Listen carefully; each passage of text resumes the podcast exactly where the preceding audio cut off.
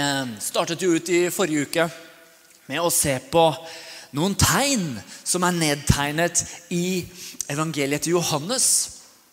Og, eh, og eh, Lars Tore snakket så godt og varmt om dette første miraklet som vi ser i bryllupet i Kana.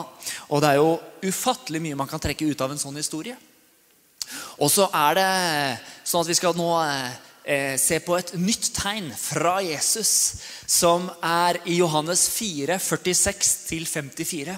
Og Vi skal lese gjennom den teksten på de versene. Det er vel åtte vers. Og, og, så skal vi på en måte snakke om det vi ser der. Er du klar for det? Er du klar for det? Ja, det er lov å si ja. Amen. Halleluja. Johannes 4, 46-54. Han kom igjen til Kana i Galilea, der hvor han hadde gjort vann til vin. Og i Kapernaum var det en kongelig embetsmann som hadde en sønn som var syk. Da han fikk høre at Jesus var kommet fra Judea til Galilea, gikk han av sted til ham og ba ham om å komme ned og helbrede sønnen hans, for han var døden nær. Det er, ganske, det er ganske drøyt, det som skjer her. Han er døden nær. Han sier, 'Jesus, kom og hjelp meg!' Og så svarer Jesus, 'Dersom dere ikke ser tegn og under, vil dere ikke tro.' Kongens mann sier til ham, 'Herre, kom ned før mitt barn dør!' Med utropstegn. Han må ha ropt dette her. Desperat var mannen. Jesus sier til ham, 'Gå hjem, din sønn lever!' Utropstegn. Digge utropstegn, altså. Mannen trodde det ordet Jesus sa til ham, og gikk. Allerede mens han var på hjemveien, kom hans tjenere ham i møte og fortalte at gutten hans levde. Han spurte dem da om den timen da det var blitt bedre med ham. De sa til ham, 'I går, ved den sjuende timen, forlot feberen ham.' Faren skjønte da at det var ved den samme timen da Jesus sa til ham, 'Din sønn lever.' Og han trodde, han selv og hele hans hus. Dette andre tegnet gjorde Jesus da han var kommet fra Judea til Galilea. Amen. Herre, jeg takker deg for at du kom med en sånn nåde nå, en sånn åpenbaring over dette ordet her. Jeg ber om åpne hjerter, jeg ber om god jord, så ordet som går ut i dag, skal få plantes i god jord og gi vekst. 30, 60 og 100 fold og enda mer, Herre. Vi takker deg for at ditt ord vender aldri tomhendt tilbake. I Jesu Kristi navn. Amen. Alright. Så Når man leser den teksten, her, så kan man jo på en måte lese den eh, på flere måter. Man kan lese den i lys av en desperat pappa.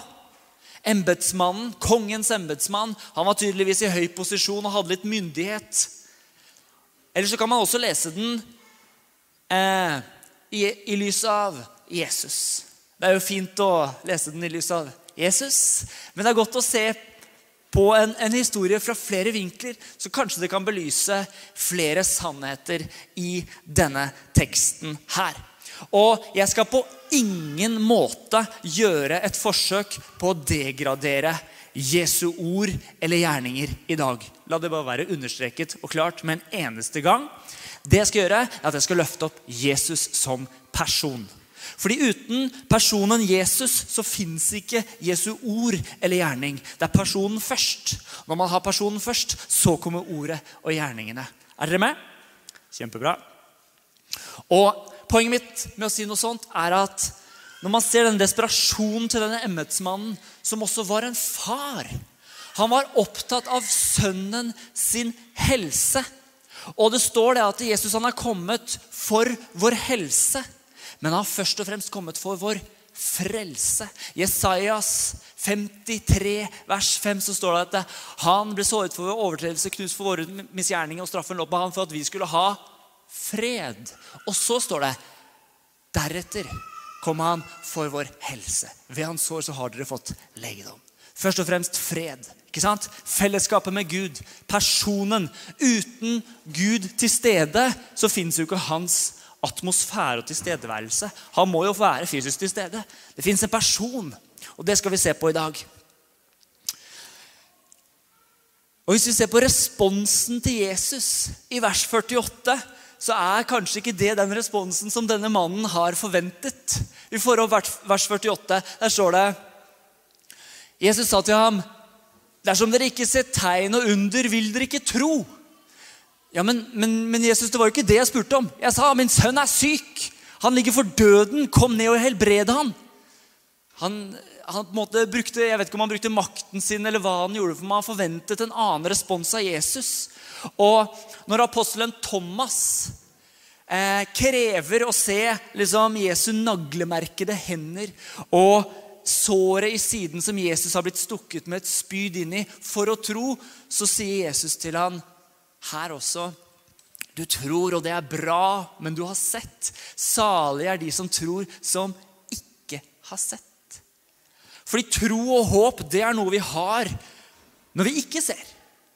Tro og håp er en fast tillit selv om vi ikke ser. Det er en fast tillit til ham som er personen, som er ordgiveren. Også kan det jo være en god ting da, å lese når man leser en historie i Bibelen. Det er ikke alltid det er sånn, men i dette tilfellet så er det det.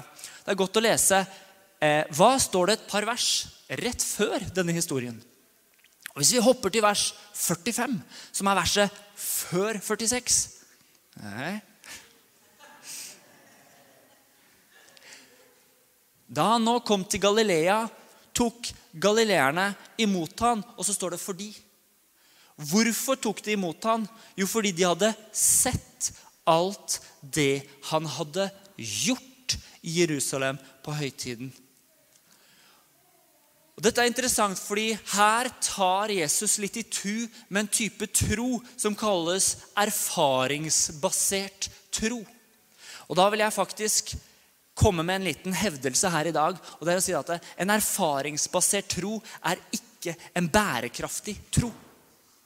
Fordi da er man hele tiden på utkikk etter hva Gud kan gjøre for meg. Er hele tiden 'jeg vil ha, jeg vil ha, jeg vil se'. Jeg ser, og så tror jeg. Men det er ikke Guds type tro. For tro er full visshet om ting en ikke ser. En full overbevisning. Ikke sant? Og det er mange mennesker som har sett kraftige gjerninger med kjære og kjente, kanskje i form av helbredelser, utfrielser, kanskje i egen kropp, men ikke tatt imot Jesus. Så en erfaringsbasert tro det er ikke opphavet til tro, det er trosstyrkene. Og Jeg skal ikke frarøve oss den muligheten å oppleve Jesus, ikke det hele tatt, men det er ikke bærekraften i hva vi tror på.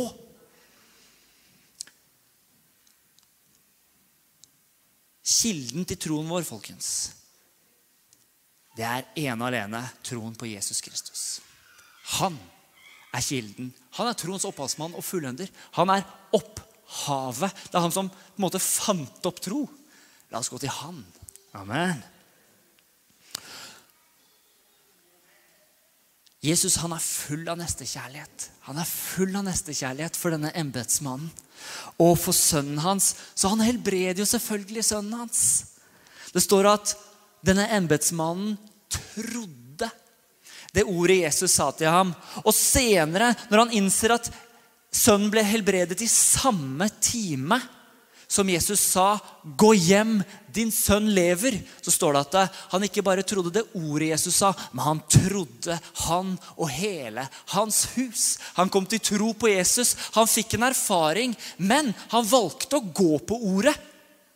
Så vi ser at Jesu ord og Jesus er uløselig knyttet sammen.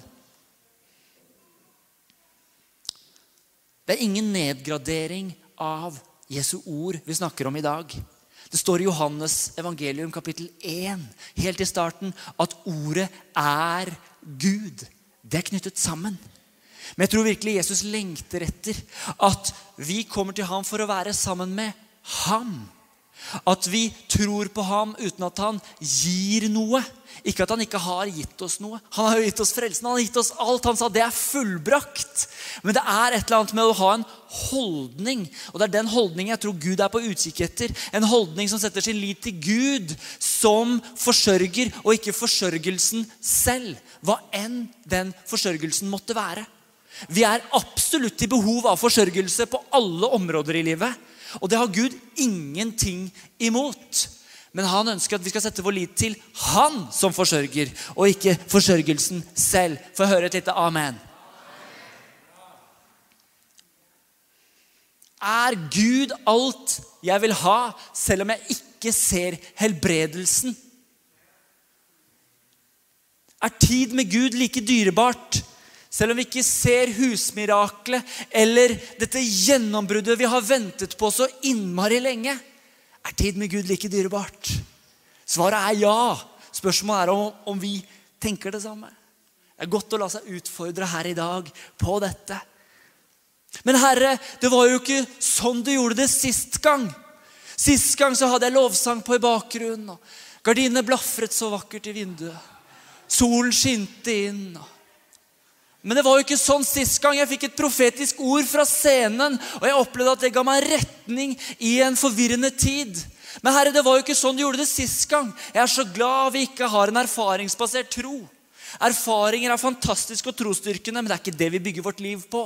Vi bygger vårt liv på Hans ord, og vi bygger vårt liv på Jesus som person. Amen.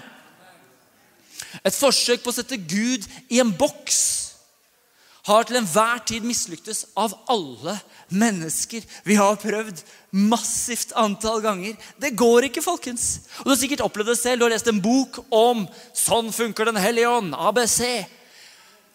Det er veldig bra å lese sånne bøker. Jeg har ingen problemer med å lese oppbyggende bøker som på en måte skal forklare Gud, men la det ikke være en begrensning og avgrensning på hvordan Gud er. Fordi Hvis det er det, så er det ikke den guden jeg tror på. For han er så mye større enn noe vi engang greier å forklare. Det står jo da i, i, liksom i slutten av Johannes skulle det skrives bøker. Det er et fantastisk bilde. Så ville ikke denne verden romme antall bøker over de gjerningene han gjorde på de 33 pluss årene han var der. Amen. Så tenk over dette her. Det her er ærlig, vet du. Gud er så mye større enn teologi, metoder og dogmer. Jeg har tro på teologi og metoder. Dogs, dogmer, jeg vet ikke. Men Reinhard Bunke han fortalte eh, at han sto overfor et erfaringsbasert dilemma en gang. Jeg synes Det var veldig interessant å lese denne historien. Han er, jeg lurer på om det var i Australia. Han er i en konferanse. Det er tusenvis av mennesker til stede. Og han, ser, og han er jo vant til å se massive helbredelser. Og så ser han denne kvinnen. En kvinne som sitter i rullestol, og han proklamerer frimodig ut for alle tusenvis av mennesker. I dag skal denne kvinnen bli helbredet. Alle jublet utenom denne kvinnen. Hun ønsket å være alle andre steder enn akkurat der. Hun hadde absolutt null tro. Det var liksom zero. Og jeg tror han hadde opparbeidet seg kapasiteten i å gjenkjenne tro i mennesker som ønsket helbredelse i sitt liv. Men han fikk et dilemma fordi hele hans oppvekst i undervisning, i lære og erfaring, så hadde han hørt det at eh, for at en syk skal bli eh, helbredet, så må vedkommende selv ha tro.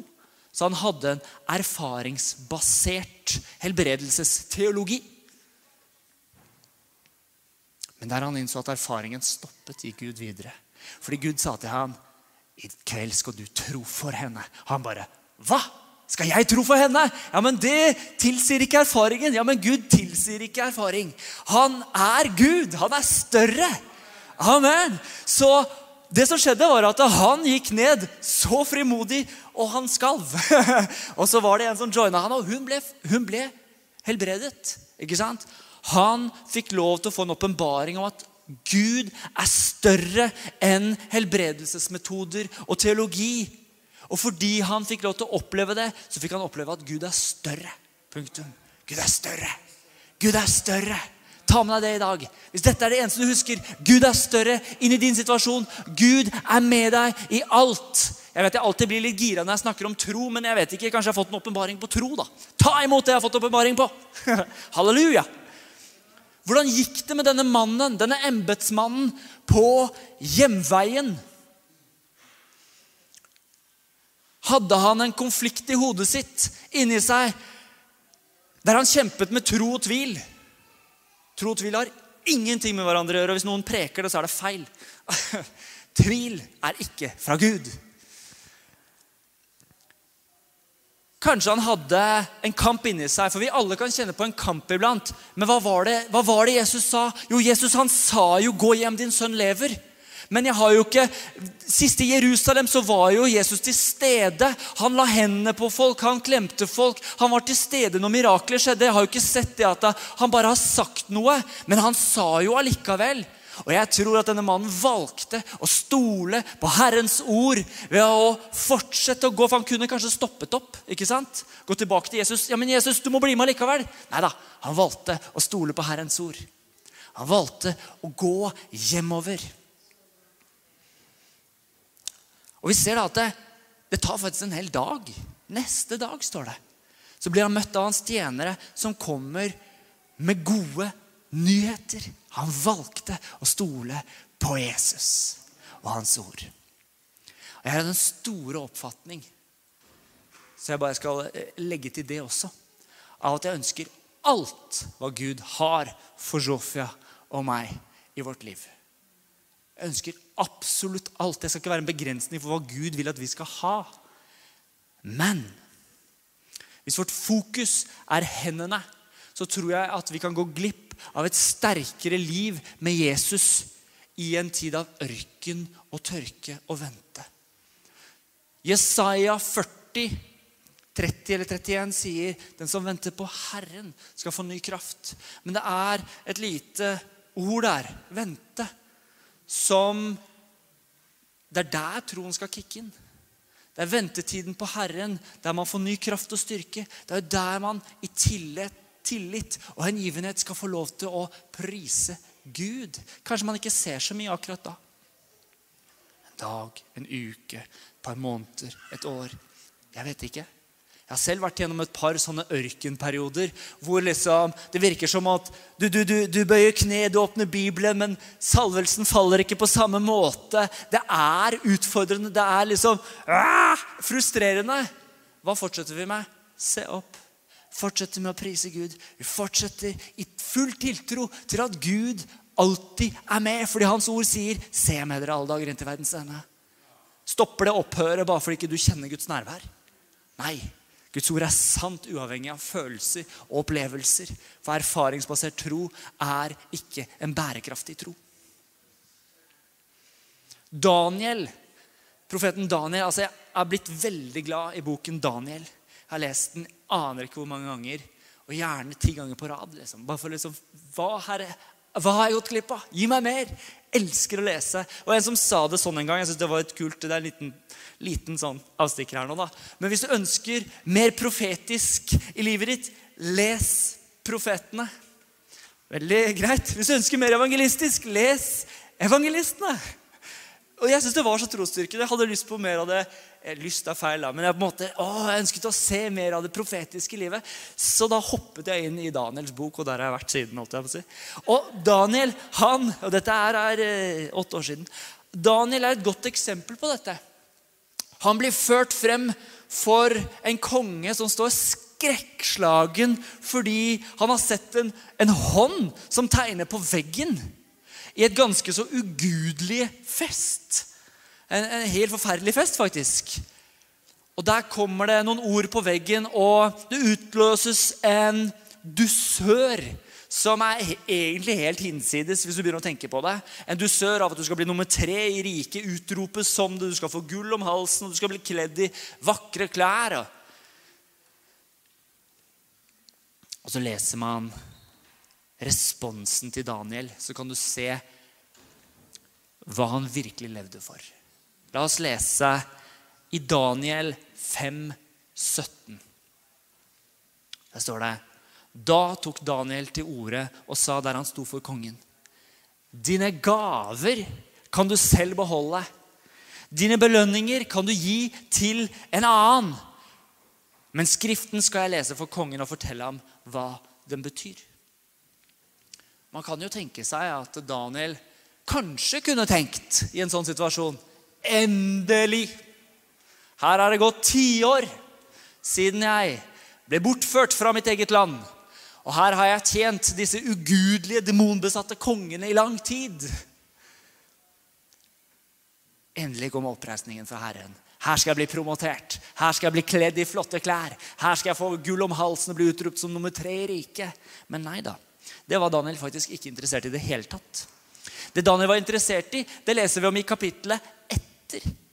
Og eh, Det kapittelet er bedre kjent som Daniel i løvehulen. Vet dere hvor gammel Daniel var når han ble kastet i løvehulen? Vi antar at han var rundt 80 år gammel. Han var en gammel mann. Og når du da leser responsen til Daniel Når et brev går ut som forbyr alle å tilbe noen annen gud enn kongen selv og de som gjør det, de blir kastet i løvehulen. Når du leser responsen hans, så skjønner du at det han gjør her nå, det har han gjort hele livet. Og Da står det Daniel 6, 11. Så snart Daniel fikk vite at skrivet var sendt ut, gikk han inn i sitt hus. Der hadde han i sin sal åpne vinduer som vendte mot Jerusalem.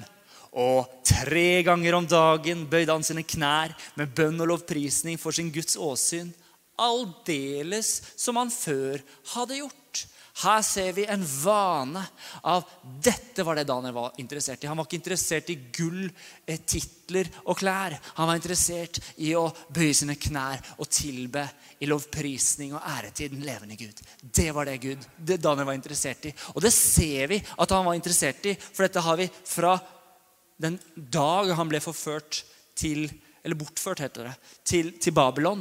Og helt opp til nå så står det aldeles som han før hadde gjort. Daniel var interessert i å bruke jevnlig tid med Gud. Han hadde mer enn nok å gjøre i jobben for kongen. Tror du det? Jeg tror altså, Han var en av de øverste øverste embetsmennene i hele babylonske riket. Eller da var det kanskje syriske. jeg vet ikke. Men han fortsatte å sørge for å sette Gud først. Han fortsatte å ta det er, det, er, ikke noe magisk formel å bruke tre ganger om dagen tid med Gud, men han sørget for det. At han gjorde det morgen, middag og kveld. Han fortsatte å bruke tid med en levende Gud, for han visste at det, det er ikke forsørgelsen jeg trenger. For den troen, den, den er flott. At man ser at man blir forsørget for. Men det er forsørgeren jeg trenger å koble på. Så han gjorde det hver eneste dag. Hvis man leter etter troen og gudslivet i Guds gjerninger, så begynner man faktisk i feil ende. Troen kommer ikke av helbredelsene. Troen kommer ikke av forsørgelsene. Troen kommer av forkynnelsen av Guds ord. Troen styrker når man retter blikket på troens opphavsmann og fullender. Og Jeg vet ikke hvordan jeg skal på en måte få sagt dette over til dere uten at dere må på en måte ta tak i det.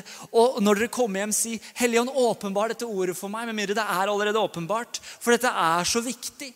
Vi kan ikke hoppe fra møte til møte Vi kan ikke hoppe fra konferanse til konferanse og forvente at Gud skal tale til oss fra plattformen når han taler til oss når vi vender vårt ansikt til han i ydmykhet. Det er der han taler. Ja, han kan absolutt tale. Jeg skal ikke begrense han i det hele tatt. Men jeg ønsker bare å formidle et sånt kan ikke kalle det noe annet enn et farshjerte. At liksom Ta tid med Gud selv. Det er det som styrker deg. Det er det som driver deg. Det er det som bygger troen din. Og Vi er ikke riktig ferdig med denne historien om embetsmannen ennå. Det er så masse man kan trekke ut av Guds ord. Det er så rikt, det er så dypt, det er så nydelig.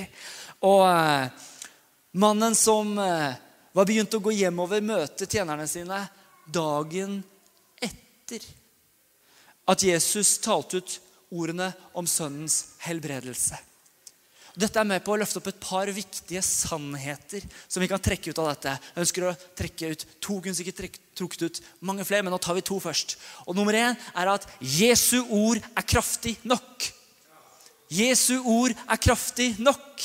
La oss si det sammen på 3, 1, 2, 3. Jesu ord er kraftig nok. Hva har Jesus sagt til deg? Både gjennom sitt ord og i ditt indre vitnesbyrd. Hva har Jesus sagt til deg? Det ordet er kraftig nok. Vi har kanskje ikke Jesus til stede fysisk her og nå, men vi har Jesu ord, og vi har Hans hellige ånd. Amen.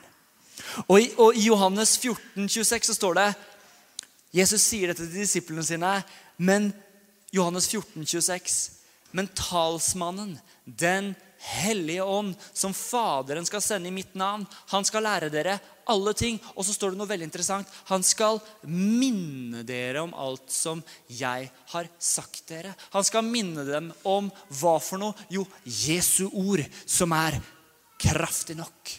Jesu ord som er talt til deg og til meg.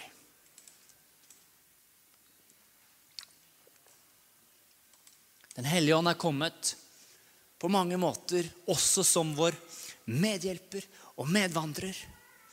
Han har, kommet oss, han har kommet til oss for å minne oss om Jesu ord. Når du går og venter på miraklet du har ventet så lenge på Jeg vet at når man har levd en liten stund, så er det alltid noe vi ber for. Det er alltid noen vi ber for. Det er alltid en situasjon vi ønsker å se at Gud griper inn i. I den venteperioden der. I den venteperioden der så kommer Den hellige ånd og minner deg på de ordene som Jesus har sagt. Hvis det er kanskje frelse du ber for for en søster eller bror eller mor eller far eller noen i nær relasjon, hva er det Jesus har sagt til deg? Hvilke ord var det han kom og sa til deg? At de skal bli frelst. At de skal få ta imot Jesus. Hold fast på det ordet, for Jesu ord er kraftig nok. Amen. Tenk at rett etter at Jesus har sagt dette med Den hellige ånd i vers 26, som vi akkurat leste, så leser vi vers 27. Fred etterlater jeg dere. Min fred gir jeg dere, ikke som verden gir gir jeg dere. La ikke deres hjerte forferdes, frykt ikke. Det fins en type fred som fins i denne verden her, men den kan ikke måles i nærheten av hva Guds fred og Jesu fred kan gi til deg og meg i en gitt situasjon. Hvor enn du er, så har du den freden på innsiden. Ja, men jeg opplever ikke fred. Ja, men Har du påkalt den? Har du sagt? Ja, men Herre, du har sagt at jeg har fått din fred. Du har sagt at jeg har gitt din fred at jeg har fått din fred. Du har sagt det. Hold fast på ordet. Amen. Nummer to. Det første var Jesu ord er kraftig nok. Nummer to er det kan hende det tar litt tid. Mm -hmm, sier pastoren. det kan hende det tar litt tid. Altså, Jesus sier 'Jeg kommer snart'. i Daniels bok. Nok en gang, jeg kommer tilbake til Daniels bok. Det er så mye åpenbaringer i Daniels bok. Så får vi et lite vindu og et lite innblikk i en åndelig verden som nesten ingen andre bøker i Bibelen viser. Og det er fantastisk å se. da. Og i Daniel 9, 23, så er Daniel i bønn. Og han blir møtt av engelen Gabriel. Budbærer og så står det med det samme du begynte å bære fram dine ydmyke eh, bønner, gikk det ut et ord. Hva er det det står for noe? Jo, det står 'med det samme'. Med det samme. Med en gang. At once. Gikk det ut et ord, og nå er jeg kommet. Tenk at dine og mine bønner forløser et ord. Det forløser engelske krefter. Tenk på det, da! Wow! Det burde få fart på bønnelivet og gi litt åpenbaring på at når du og jeg ber, så er det kraftig. For et rettferdig menneskes bønn har stor kraft og virkning. Men det samme du begynte å bære fram dine ydmyke bønner, gikk det ut et ord, og nå er jeg kommet for å kunngjøre deg det, for du er høyt elsket. Så merk deg ordet og gi akt på synet. Tenk å bli møtt av en engel og få høre disse tingene her. Det må gi litt boost i bønnelivet på at wow, ok, greit, vi fortsetter. Og nok en gang så er Daniel en eldre mann. Han har holdt på sånn her hele livet. Og, og så hopper vi ett kapittel, fordi dette skjer ikke bare én gang, men det skjer igjen. I kapittel 10 så, vi, så får vi et innblikk i Daniels bønneliv. Og Stefan nevnte jo Daniels faste. Her kommer han. På den tiden hadde eh, Daniel 10, 2-3. På den tiden hadde jeg, Daniel, sørget i tre uker. Merk dere tre uker. Fine retter åt jeg ikke, kjøtt og vin kom ikke i min munn. Heller ikke salvet jeg meg før de tre ukene var til ende. Og Så hopper vi ned til vers 11 i samme kapittel, til og med 14. Og han sa til meg, hvem er det som snakker? Nok en gang engelen Gabriel. Daniel, du høyt elskede mann. For en tittel. Det var tittelen sin, det. Han trengte ikke å bli nummer, Den kom nå. Han trengte ikke å bli nummer tre i riket. Tittelen han fikk av Gud, den var større enn nummer tre i riket. Der står det 'Daniel, du høyt elskede mann'. Wow! Den var herlig. Den tar vi med oss. Takk, Herre. Det er godt med åpenbaringer i ordet. Han sa til meg, 'Daniel, du høyt elskede mann, gi akt på de ordene jeg vil tale til deg.' 'Reis deg opp igjen, for nå er jeg sendt til deg.' Nok en gang så er engelen Gabriel sendt. Da han talte slik til meg, reiste jeg meg skjelven opp. Så sa han til meg, 'Frykt ikke, Daniel, for fra den første dagen med en gang' Du vendte ditt hjerte til å vinne forstand og til å ydmyke deg, for din Guds åsyn er dine ord blitt hørt. Og på grunn av dine ord er jeg kommet. Perserrikets fyrste. Og Det er viktig å forklare at dette her er en, dette, dette er en ond ånd, en demon. Ja, og Det fins kategorier vi skal ikke gå inn på det nå, men det kategorier og hierarkier innenfor åndeverden, og dette er en av de større demonene. Perserrikets fyrste sto imot meg i 21 dager. Hvor mange uker er 21 dager? Hvor lenge hadde Daniel vært i bønn og faste? Hmm. Perserrikets fyrste sto imot meg i 21 dager. Men se, da kom Mikael, en av de fremste fyrstene. Og, og, det er så spennende og fristende å begynne å snakke om dette, for Mikael det er erkeengelen til Israels folk. Og vi ser det at eh, Daniels bønner forløste Mikael, så han skulle hjelpe engelen Gabriel, som hadde et ord tilbake til Daniel. Vi skal ikke gå inn på det nå, men nok en gang så ser vi viktigheten av bønn. Det fins en åndskamp der ute. Det fins en kamp over Oslo. Det fins en kamp over ditt liv. Bønn er kraftig og virksomt. La aldri djevelen komme med løgn om at bønn ikke er kraftig. Det er mer kraftig enn du og jeg forstår og fatter. Og det får vi et lite innblikk i her. Nå er jeg kommet for å la deg få vite hva som hendte ditt folk ved dagenes ende, for dette er gjensyn om de dagene. Første gang Daniel ba, gikk det ut et ord, og engelen Gabriel ble sendt ut. Ut ifra hva vi ser, det, det ser vi jo ikke i et tidsperspektiv, så skjer det med en gang. Andre gang Daniel ba, tok det 21 dager før engelen Gabriel kom med budskapet. Og her kom poenget. I begge tilfeller ble Daniel hørt fra første sekund. Vi tenker at man blir hørt idet man får svaret, men det er ikke tilfellet. I begge tilfeller ble Daniel hørt med en gang. Daniel var fortsatt blitt bønnhørt, selv om han ikke hadde på en måte blitt møtt av budbringeren. Han hadde jo ikke bedt om at han, engelen Gabriel skulle komme med et ord, men han hadde vendt seg i ydmyk bønn og faste til sin herre. Og Så fikk han oppleve resultatet senere. Men han hadde nok en bønnebyrde over seg og fortsatte å ba til han så gjennombrudd. Det er mye å ta tak i her, altså. Men oi, oi, oi. Guds ord tilbake til Daniel var det samme, selv om han måtte vente i tre uker. Vi tjener en Gud som ikke er sen, folkens. Jeg tjener en Gud som lytter. En Gud som agerer og handler med en gang. Hans ord går ut og iverksetter med en gang. Og det er en historie eh, om et mirakel som vi helt sikkert kommer til å komme inn i når det gjelder denne eh, Johannes Eh, evangeliesettingen som vi er i nå. Og det er Jesus som vekker opp Lasarus fra de døde. Og Der er det et sånt poeng som jeg tror vil på en måte liksom løfte opp dette her enda mer. og Det er så viktig å si, så derfor tar jeg det nå. Og eh, i, i, i, Johannes 11,41 så ser vi da at Jesus han står utenfor graven til Lasarus. Og eh, Det har vært en sørgeseremoni, og han kommer. og Det har vært noen, eh, noen gode samtaler med Martha Maria. og Så står han der og så ber han en bønn. Skal vi ta oss og lese den bønnen sammen? For det er en veldig spesiell og interessant bønn. Og Der står det i 1141 og Da har Lasarus vært død i, i mer enn fire døgn. Da, de tok da steinen bort. Jesus 1141, eh, Johannes 11,41. De tok da steinen bort. Jesus løftet sine øyne mot himmelen og sa, 'Far, jeg takker deg fordi du har hørt meg.' Ok? Du, du har hørt meg? Ok, det, det var en fantastisk bønn. Men hva er det Jesus allerede har sagt? Hva er det Jesus allerede har sagt? Jo, La oss gå tilbake til samme kapittel i vers 3 og 4. Og søstrene Martha og Maria med broren sin Lasarus var gode venner av Jesus. Og søstrene sendte nå bud til ham, som er Jesus, og sa, 'Herre, se han som du elsker, er syk.' Men da Jesus hørte det, sa han, 'Denne sykdommen er ikke til døden, men til Guds ære, for at Guds sønn skal bli æret ved den.' Bang! Der gikk Jesu ord og bønn ut.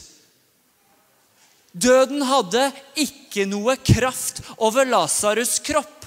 Ja, tilsynelatende så var situasjonen at hans fysiske legeme var dødt. Men når Jesus troppet opp og sto foran gravsteinen, så sa han, 'Jeg takker deg, Herre, for at du allerede har hørt meg.' 'Lasarus, kom ut!' Jesu ord var allerede sendt ut. Døden hadde ikke sjans til å holde fast på Lasarus' kropp. Vet du hva? Amen. Djevelen har ikke sjans til å holde på dine og mine omstendigheter fordi Jesu ord har gått ut. Og Jesu ord handler med en gang. Og Vi skjønner ikke helt hvorfor noen ganger det tar litt tid, og noen ganger det går med en gang. Men når vi fikk se dette, dette vinduet inn i åndeverden i Daniels bok, så ser vi at det fins en åndekamp. Og Noen ganger så må vi holde litt fast på bønnene. Vi må minne denne tannløse katten, aka Satan, han er en tannløs katt, vet du. La meg forklare tannløs katt. Han går rundt som en brølende løve, men han er ingen brølende løve. Han går rundt som en brølende løve. Han er en tannløs katt og taper. Og Vi må minne han iblant på hva Jesus har sagt.